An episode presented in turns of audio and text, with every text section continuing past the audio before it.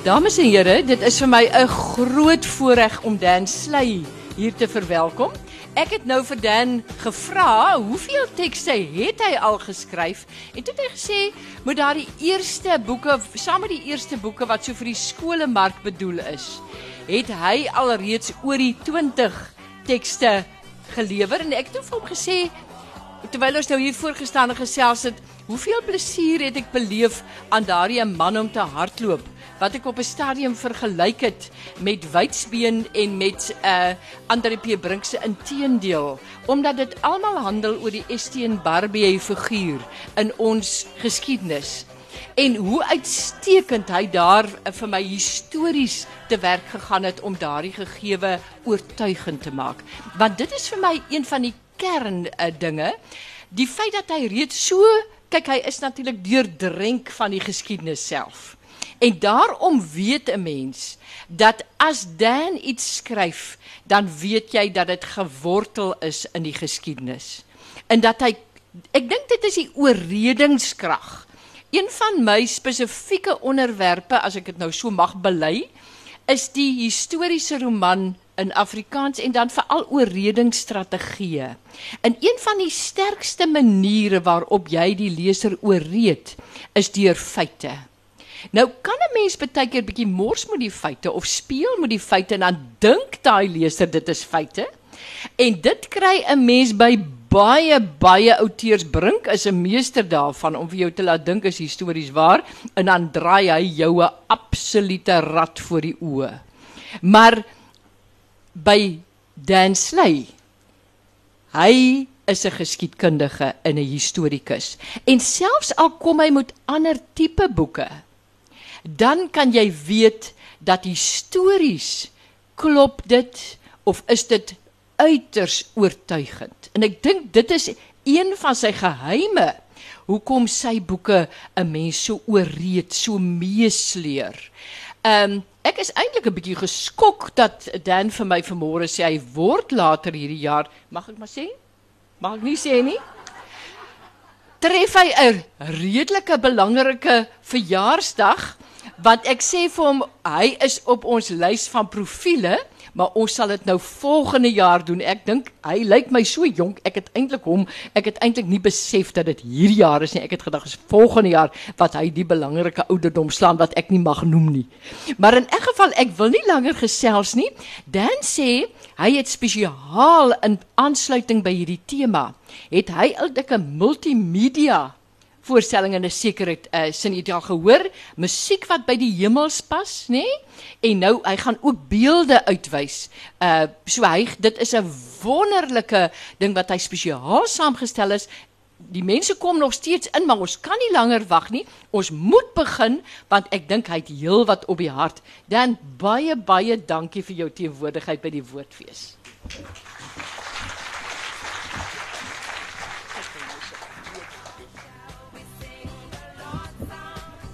Ja, dit is een groot eer om die, uh, die baas van die plaats hier te hebben. Uh, ik denk, Dorothea, dat hierdie woordfeest gaan jou, uh, die monument van jouw leven wordt. En dankie voor die gelegenheid en dankie, dames en heren, voor allemaal van u wat uh, uh, gekomen het om te luisteren. Die, um, daar is hiervoor nog vier zitplekken als daarvan hier is wat op mekaar se skoot sit dan hier is vier plekke hier. Nou ehm um, dit is die vierde keer dat ek op Stellenbosch oor die boek afstande praat, een keer by Protea Boekehuis en twee keer by leeskringe. Vorige kere het ek op historiese aspekte en die groot menslike avontuur gekonsentreer. Nou Woordfees 2013 is se tema is hemels uh hemelse aangeleenthede en ek gaan toespits op die boek se teologiese ondergrond. Kan ek net vra wie van u het dit nog nie gelees nie dat ek uh, ja, goed. Mooi so. Ek is ek is ek is bly dat u gekom het ten spyte daarvan. Uh nog twee sitplekke hier voor as u as u plek soek. Ehm um, Nou gaan ons daardie musiek weer speel. Dit is Bonnie M sing by the rivers of Babylon en ek wil u vra asseblief luister na die uh, liriek en probeer hoor, probeer verstaan waaroor dit gaan. Want ek het hierdie Psalm 137 geneem en dit uitgebrei tot hierdie boek wat wat u sien die omslag daar op die skerm. Uh dit dit is alles Psalm 137. Ja, kan ons nou weer lekker hard uh, luister net een of twee maal.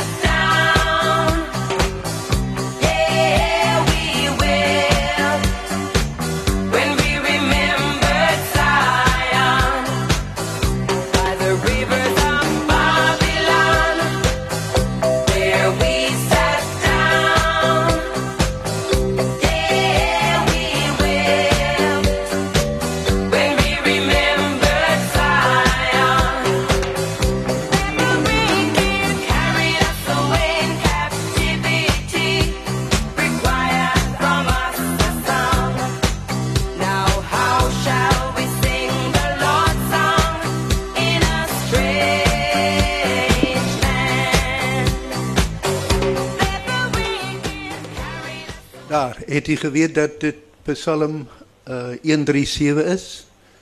Nou goed. Ehm um, hierdie storie, die boek Afstande word ehm um, uit Psalm 137 uh, uh, geskep en die storie word gedra en gedryf deur drie verskillende godsdienststelsels, naamlik die van Ahura Mazda, dit is die Persiese, heiliges, die aarde, vuur, wind, water. Ehm um, daar is geen tempels of priesters nie en u sal in die storie voorbeelde vind van hoe hulle offer. Hulle uh soos by een geleentheid waar 'n wolf en 'n bosvark en 'n perd gelyktydig aan die vuur gegee is. En by Abydos op die Hellespont is 'n tweeling by 'n brug gekruisig as offer aan die see. By nege weer nege dogtertjies en nege seentjies in pare ge- lewendig begrawe as 'n offer aan die aarde. Tweedens, die teologie van die Jode. Volgens oorlewering oorspronklik van Moses, soos dit deur hulle in die Babiloniese gevangenskap onthou en oorvertel is. Ek dink soms die hele Ou Testament kom daarvandaan. En derdens die van die Grieke, die hele uitgebreide godedom deur Homeros uit sy vrugbare duim gesuig. Die heilige hemelinge wat hulle so stout kinders gedra. Uh dit is my persoonlike mening nie van die mense wat hierdie storie vertel nie. Drie spesiale gode kry plekke hierin. Dit is Jahwe van die Jode, Apollo van afstande en Afrodite, beskermheilige van soldate aan wie die rooi blom, dit is die rooi papawer gewy is. En hier is te min tyd vandag om aandag aan die vreem- vreemde en selfs die bizarre komponente van al drie te wy. Maar u sal dit wel in die boek gesien het. Uh, Ons gaan oor relevante hemelse sake praat. Wat beteken die woord hemel vir ons arme belastingbetalers? Uit die blou van ons hemel. Dit het daardie een het ons verloor, net die blou het oorgebly. Tweedens, hemel as oord of omgewing van 'n lewe hiernamaals.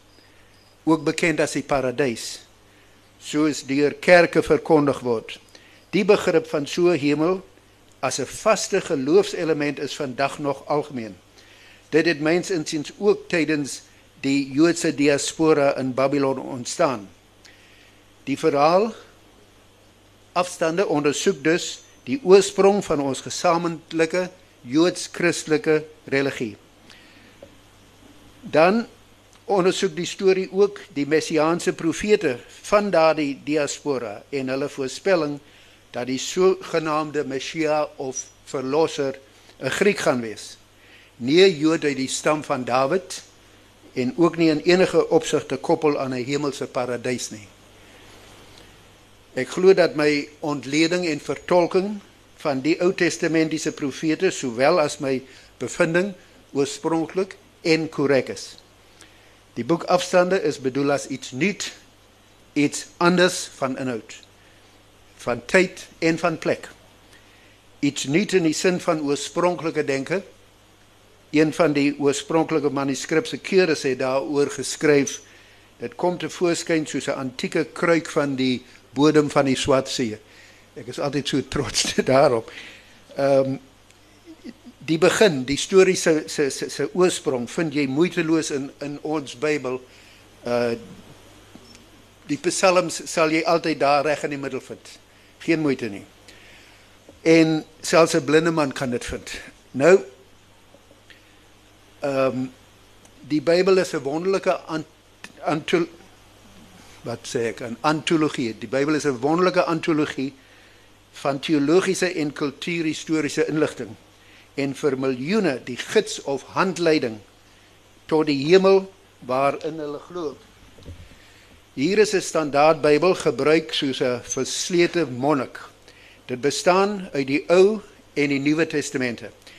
Die Ou Testament is 'n Joodse geskiedenis van die skepping af tot waar die laaste twee van Israel se 12 stamme in ballingskap in Babylon verdwyn in slawerny. Daar eindig die Joodse storie skielik ongeveer 600 voor jaar voor Christus. Dan is daar 'n gaping, 'n totale stilte. En wanneer die Nuwe Testament begin, vind ons die Romeine in beheer. So daar's dis 'n gaping. Kom ons kyk. Daar. Tussen die twee is 'n gaping van omtrent 450 jaar op 'n woordelose wit blad. Wat doen ons hiermee? Lei ons byvoorbeeld af dat daar totaal geen ontwikkeling ten opsigte van Joods-Christelike teologie gedurende die stilte gebeur het nie. Maar natuurlik was daar, onder andere was daar planete aan beweeg, stil, tydsaam, soos al duisende jare lank om na 'n bepaalde tyd 'n helder fakkel in die oggendhemel te vorm. Wat die begin van die Christelike teologie teologie sou merk. Onthou jy die wyse manne uit die ooste?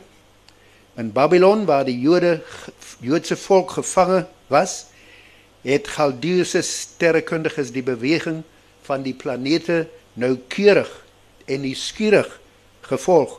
Wat sou dit beteken? Wat was aan gebeur? En sou hulle nie toe eeue gelede na daardie Jode toe gegaan het soos ek in die boek voorgestel het en gevra het Luister, ons het nuus vir julle. Iets belangrik is aan die hemel in gebeur. Wie is julle? Vertel vir ons julle geskiedenis. Die leesstilte op die wit blad tussen die twee testamente is in my ervaring nog altyd deur ons in doodse stilte aanvaar en dit bly nog sowel onbevraagteken as onbekend. Maar in daardie tyd, daardie gaping van 450 jaar. By die afwesigheid van inligting het dramatiese dinge van groot gevolg gebeur waarvan ons nie vertel word nie. Soos dat in daardie selfde geografiese gebied op dieselfde verhoog met ander woorde waarop die Joods-Christelike geskiedenis destyds afgespeel het, ten minste twee bloedige wêreldryke bestaan en aardskuddend geval en verdwyn het. Nou sê vir my, hoe sou ons vandag gevoel het as ons nie geweet het van die Tweede Wêreldoorlog nie? As die Tweede Wêreldoorlog nêrens neergeskryf is nie. Dat Hitler nie bestaan het nie.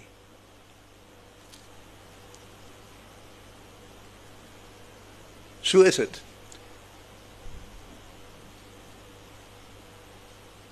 Ek verwys na die Persiese wêreldryk en die van Alexandros die 3de die sogenaamde groote Waarom word ons dit nie vertel nie? Ek wou weet, word hier iets verswyg of weggesteek en waarom?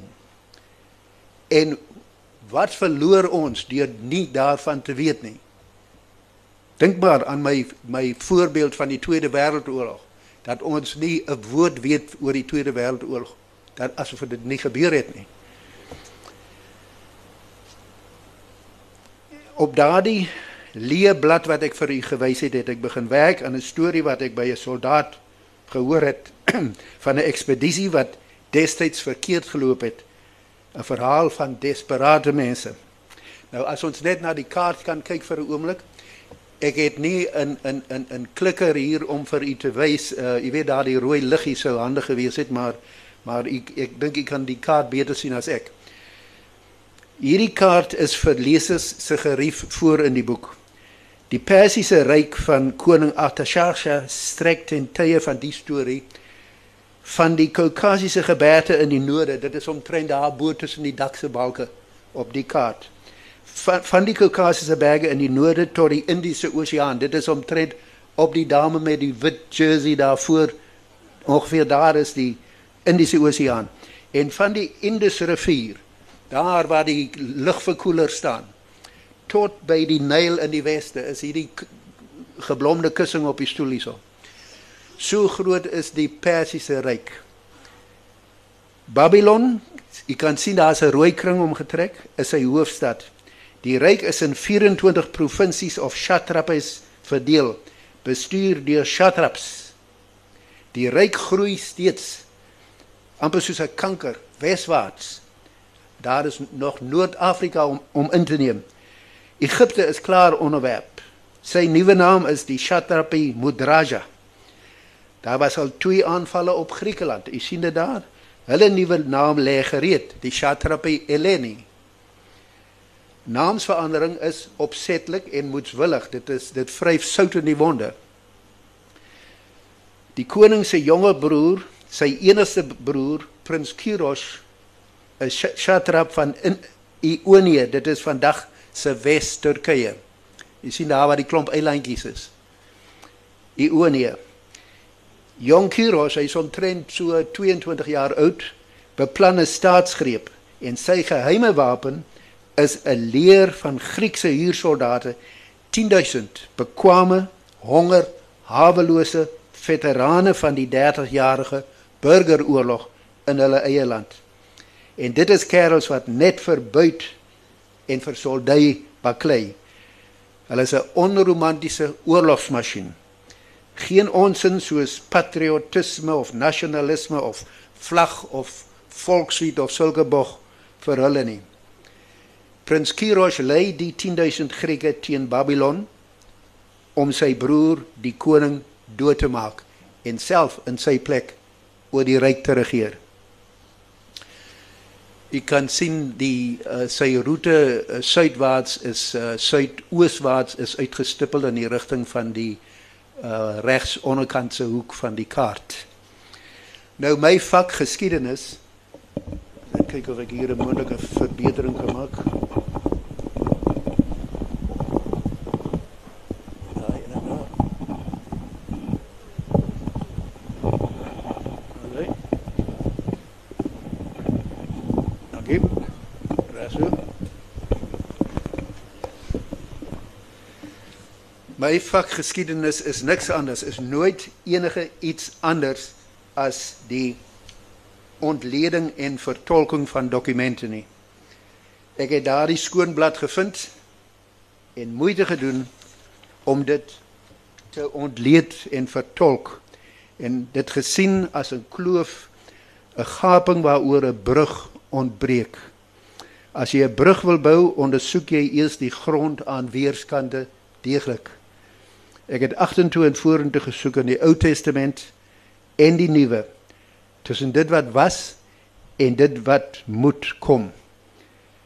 So word die brugge oorgang van die Ou na die Nuwe Testament, van die ou Joodse na die nuwe Christelike teologie, van die ooste na die weste, van Asië na Europa. Dis waar die verhaal vir ons vind. Dis waar die storie deel van ons teologie word. As jy dus sou vra gesien teen die agtergrond van die oorspronge van ons gedeelde Joods-Christelike religie, waaroor gaan die boek afstande dan? Dan sal ek sê oor die mens uitgelewer aan politici. Gevolglik gaan dit oor slawerny en verlange na bevryding en verlossing. Dit gaan oor hoop en wanhoop, oor bygeloof, onkunde, valsheid, verraad, oor waarseers en ander leenaars. Maar deurgangs oor die mens uitgelewer aan die tirannie van politieke bestel of hulle dit noem demokrasie of bygeloof of wetteloosheid of wanorde chaos mens uitgelewer. Die aksie ondersoek die internasionale legende van die swerwende Jood. Het al gehoor van hom. Wat moet bly leef tot die verlosser eendag sal kom. Want in afgeleë Babylon onder die Joodse slawe uit verlange na vryheid vanaf die ashoop van hulle sterwende kultuur is die bitter lied van wraak gesing waarna ons geluister het. Psalm 137. Onthou dat daardie Jode eens 'n totaal onafhanklike volk was met hulle eie land en 'n indrukwekkende geskiedenis, eie konings, unieke wette, eie kultuur, eie helde en heldinne, eie taal, 'n monoteïstiese godsdienst. Onthou jy hoe die mense in Babylon beland het? Onthou jy die profeet Jesaja se woorde aan koning Hizkia? Jy vind dit in die tweede boek van die konings, die 20ste kapittel, amper woordeliks herhaal in die boek van Jesaja kapittel 39 waar hy sê wat jy aan hulle gewys het, alles wat jy besit, sal hulle terugkom om weg te dra. En jou seuns sal enigs word in die paleis van hul koning. Tussen hakies ons vertalers het verkies om die woord oinokos te vertaal as kamerbediendes. Taalkundig perfek. So vir my jy ook moeilike vrae in die Sondagskool en kateksasie klas. Nou sit God se volk al 12 geslagte lank uit die vroulike perspektief 24 geslagte. Gevange as die slawe van 'n heidense nasie in 'n ver land. Hul mees begaafde seuns word vir kastrasie uitgesoek. Nagri die enig het die lied geskryf wat ons as Psalm 137 ken. Die woord psalmos beteken om 'n snaar te pluk die hartsnaar of die boogsnaar. Presies so het hy dit gesing. Heimwee of oorlog. Ken ons Psalm 137? O, ons het dit nou gehoor sing. Ons het Bonnie M hierso gehoor. Dit drup van stroop, net soos 'n koeksuster. By die riviere van Babylon. Nagri noem dit die wasvrou se lied. By die riviere van Babylon het ons gesit en gehuil as ons Jerusalem onthou. Toe vra die wat ons gevange hou, sing vir ons van julle land. Wat 'n wrede versoek, né? So martel jy slawe. Sing vir ons van Mosambiek, 'n lekker lied van Madagaskar. So martel jy as jy 'n slaaf wil martel. Hoe antwoord hy hulle? Hy sê julle Julle wat gesê het breek Jerusalem af, slaan sy mure plat tot die fondamente. Geseend is hy wat julle babas se skedels teen die mure verbrysel. So klink Nagri se stem. So klink haat. Wraak gemik teen onskuldige kinders. Nie mooi nie. Dit is wat die verlies van vryheid van volksidentiteit en eie identiteit aan mense doen. En dit is die woede in Nagri se hart wanneer hy uit Babylon vlug om by die Griekse huursoldate aan te sluit. Want die Joodse profete, die messiaanse profete van die ehm um, ballingskap sê duidelik dat hulle verlosser 'n Griek gaan wees. En hier kom nou 'n Griekse leer op Babylon aangemarseer. Dit is Nagri se sending, sy opstand teen sy onderdrukker. Sy doel is die verwoesting van Persië. Psalm 137 hoort behoort op daardie wit blad. Dit is hierdie storie se ondergrond. Sy temalied. Nagri se storie is die lijm, die gom wat die Ou en die Nuwe Testamente aan mekaar bind. Dit gaan ook die boek, die storie oor die ehm um, opkoms van die rede, die gebruik van rede teenoor brute geweld, gebruik rede om verslae, moedelose mense te bemoedig, gebruik rede teenoor mense wat jou met klippe wil doodgooi, rede om 'n skelm koning te ooreed om arme huursoldate na 'n lang winterkampanje te betaal. Nou van buite beskou is dit die verhaal van 'n lang en gevaarvolle reis. Daar en weer terug 'n waagstuk. Jy waag tot in die vyand se gebied tot in die hart van die bose en oorleef om die storie te vertel. Omdat die tema teologies is, is dit 'n verkenning van die bose, benewens 'n ondersoek na die aard van tirannie en verdrukking en 'n ensiklopedie van die menslike tragedie met die gevolgtrekking dat ons nooit vry sal wees nie, want ons is slawe, gevange in politisie se drome. op daardie wit blad in die leegheid of stilte tussen die ou en nuwe tyd het ek die storie van die soldaat gekry. 'n buitengewone man wat destyds 2400 jaar gelede kom sy stem vandaan. Wat sy vreemde ervarings neergeskryf het. Hierdie ware gebeurtenis uit daardie tyd van stilte is intens beleef deur die wat daaraan deelgeneem het Ek verwys na Xenophon van Athene en sy Anabasis, die inval. Hy was 'n uiters godsdienstige man wat elke oggend en voor elke belangrike gebeurtenis eers offer aan sy gode om hulle wil te hoor. Selfs toe hy so arm was dat hy net water en 'n handvol haver gehad het, het hy dit nie geëet nie, maar geoffer. En volgens wat die gode wil hê, tree hy dan op. Ons sal hom seker 'n heidense afgode dienaar noem met heidense afgodelike beginsels. Maar in daardie geloof laai hy 10000 professionele soldate met die geestelike krag en organiseer en lei hy hulle 'n jaar en 'n half lank deur verskriklike terrein oor duisende myle na oorlewing en vryheid as ons net weer die kaart kan kry, dan sal jy sien van Babylon af noord en langs die Swartkus tot by ehm um, wat vandag is uh hoe wat is dit vandag? Istanbul. Byzantion was die Griekse naam. En ehm um, dit is dit is 'n wonderwerk. Jy jy kan daardie gode ag, sommer 'n klomp stout kinders en uh, uit die duim gesuig. Maar in daardie geloof verrig hy hierdie wonderwerk.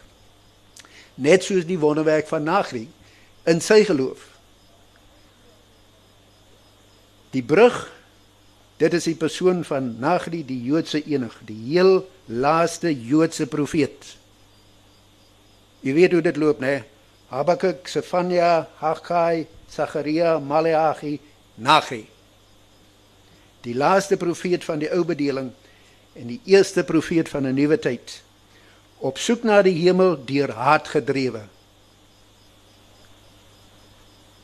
En wat sal die gevolg van so 'n houding wees? Wat kan die gevolg van so 'n houding wees? Soms dwaal hy na aan die hemel. Soms swerf hy miljoene ligjare ver daarvan. Sy inspirasie bly sy volk se verlange na vryheid en sy voorkennis van tekens van 'n wonderlike ster wat 'n groot gebeurtenis gaan aandui niks minder as die koms van die verlosser nie. En die verlosser gaan 'n Griek wees. Dit staan daar. En soos jy weet dit was. Lees nou as jy tuis kom in u Bybel van daardie bonatuurlik begaafde messiaanse profeet die Joodse enig Daniël die wonderwerker en vergelyk hom dan met Nagri. En lees ook weer sommer Psalm 137. En jy sal sien dit is 'n ander storie as die een wat Bonnie M vertel. Die van u wat al hulle vryheid verloor het en hulle Bybel goed ken, sal verstaan. Nou, ek dank u vir u belangstelling. Is daar enige vrae of opmerkings miskien?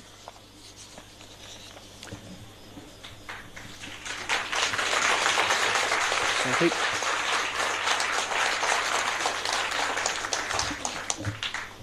Baie dankie daarvoor.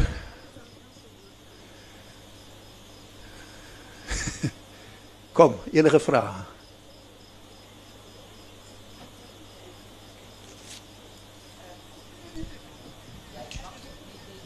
profetiese boeke o. Haai. Baie dankie Dankie. vir jou professor.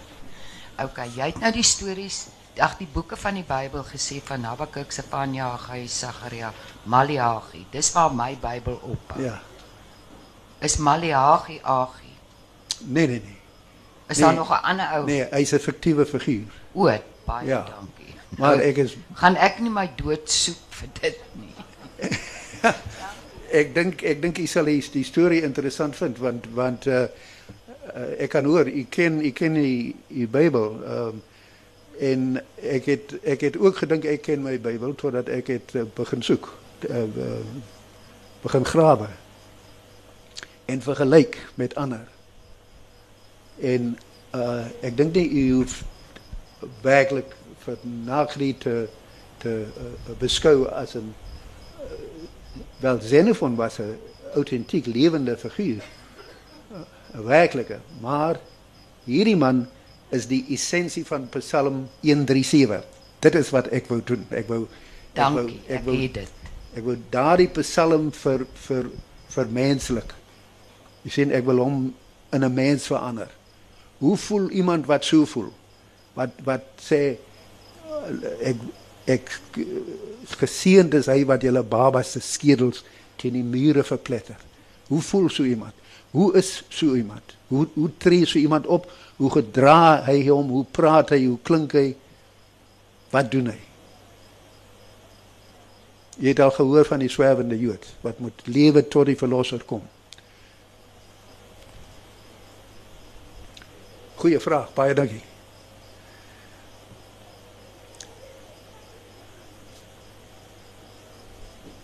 Asseblief. Hallo Dan. Oeh, harder as wat ek gedink het. Ehm Hallo. ehm ek ek het nie iets ernstig. Ek ken die boek uit my hart uit. Maar ek wil net sê dat Xenophon was een van hierdie karakters wat as 'n mens lees wat by jou bly. Xenophon het vir dae lank by my gebly agterna.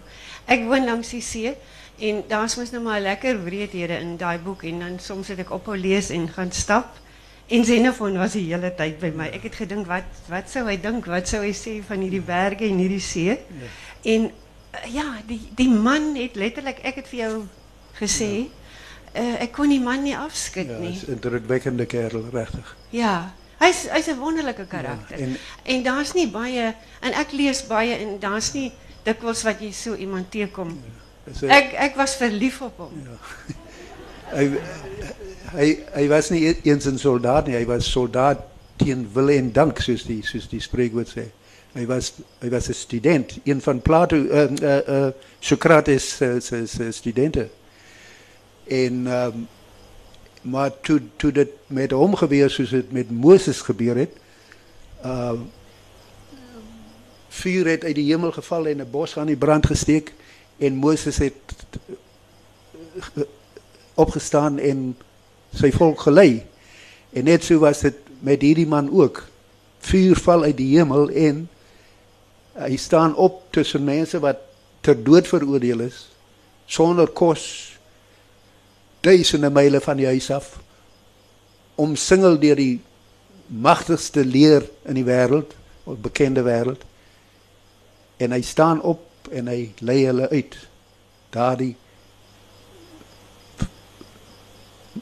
moeilike situasie.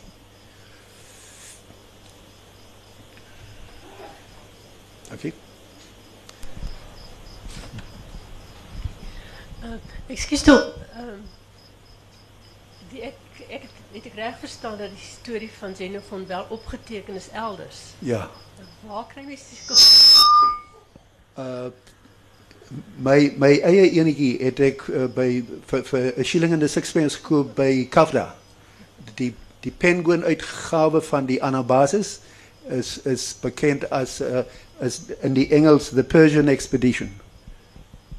The the Persian expedition as jy as jy dit uh, uh, byvoorbeeld in Penguin wil wil lees. So het, het hy dit geskryf. Ja, dit is sy sy eie uh, verslag van sy van sy uh, sy moeilike jaar en 'n half. Maar dit is die moeite werd om te lees, o vadertjie, dit is werklik die moeite werd om te lees. Dit is so 'n uh, uh, dit maak so duidelik dat daardie mense was presies net soos ons. In geen opsig anders nie. En dit was mense sonder selfone. En en eh, mense sonder motorkarre en en en 4x4 en goedes dit was dit was mense te voet maar was net soos ons. Hulle het ook graag mense met klippe doodgegooi. En die wat dit nie graag gedoen het nie moes sorg dat dit nie gebeur nie. Hulle moes kyk hulle moes leiding gee. Ehm um, dan ek het ek het verneem dat jy ehm um, ook 'n reis onderneem het na die na die land waar die waar die boek afspeel. ja Ek het eintlik twee vrae. Die een is het jy dit gedoen voor terwyl of na die skryf van die boek? En dan ook het jy enige iets in die eie tydse landskap teruggevind wat vir jou geresoneer het met die landskap van die boek? Kan ek vir u iets lees?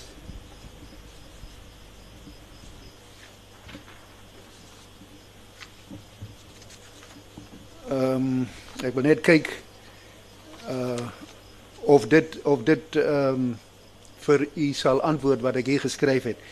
Ehm um, my dogter wat wat baie slim is en en en baie goed werk met 'n rekenaar het uh en baie goed 'n motor bestuur het het, het ons daardie roete gery nie deur uh Irak nie nie die deel onder by Babylon by waar die geveg plaasgevind het die slag van Kunakga uh want die Amerikaners was destyds besig om te veg daar teen Saddam Hussein.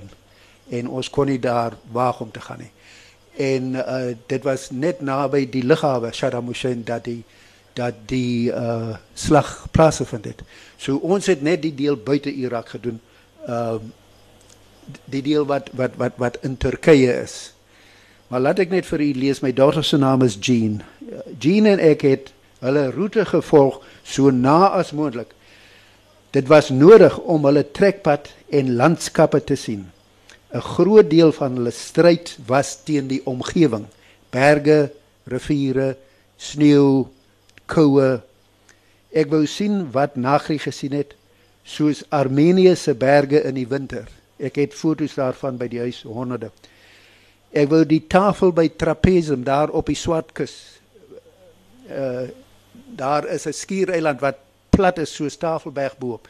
Dit word die tafel genoem. Uh dit is die woord in Grieks vir 'n tafel, Trapezum. En uh, ek wou daardie tafel sien waarop die 10000 gekampeer het toe hulle eintlik daar was. Uh die Swartkus. Waarom swart? Waarom noem hulle dit die Swartkus? En waarom was daar geen paaie nie? U kan sien daar bo moet hulle die see gebruik. Hulle moet skepe in die ander kry, maar het nie geld om skepe mee te, te huur of te koop nie. So uh, uh, hulle kan nie oor land gaan nie want daar is nie paaie nie. Waarom was daar nie paaie nie? En ek het uitgevind waar, waarom daar nie paaie is nie. Ehm um, ja, waarom was daar nie sodat hulle moes aanhou met moer en steel om geld te kry om skepe te bekom? Of ek wou net kaalvoet deur die meander rivier loop soos hulle gedoen het. Of om die plek te sien by Abydos op die Hellespont waar 'n tweeling gekruise gehang het aan die ankerpale van 'n brug. 4 dae lank terwyl Shasha se leer van 'n miljoen man tussen hulle twee deurtrek van Abydos in Asië na Sestos in Europa. Nou, ek het gesien en ek het probeer beskryf. Daar is omtrent 10 bladsye. Ek kon dit nie minder maak nie. Omtrent 10 bladsye wat vertel hoe hulle deur die berge van Armenië in die winter gaan, deur die sneeu en deur die koue, hoe hulle begrawe lê onder die sneeu, hoe hulle vingers swart word en afbreek so stokkies. Hulle tone, hulle voete, dat die die koue vuur in hulle arms opkruip, in hulle bene dat hulle nie kan marseer nie. Dat hulle daardie mense daar moet laat lê en by hulle wag tot hulle hulle dood is sodat hulle kan begrawe. Daar's 'n insident waar Z- Z- Xenophon op 'n man afgekom het wat wat wat 'n lewende kerel wou begrawe. Wat nie langer kon marseer nie en hy kon hom nie dra nie. En hy was besig om daardie lewende man te begrawe. En in ons motor was die temperatuur daar was 'n temperatuurwyser dikwels 20 onder vriespunt geweest binne in die motor. Dit is dit is iets verskriklik en die en die paaie is so uh, uh, gesneeu dat dit elke dag oopgeskraap word en jy ry in 'n konvooi agter 'n militêre skraper en omtrent 30 40 karre deur die berge daar. So is dit 'n 'n antwoord op die vraag? Ja.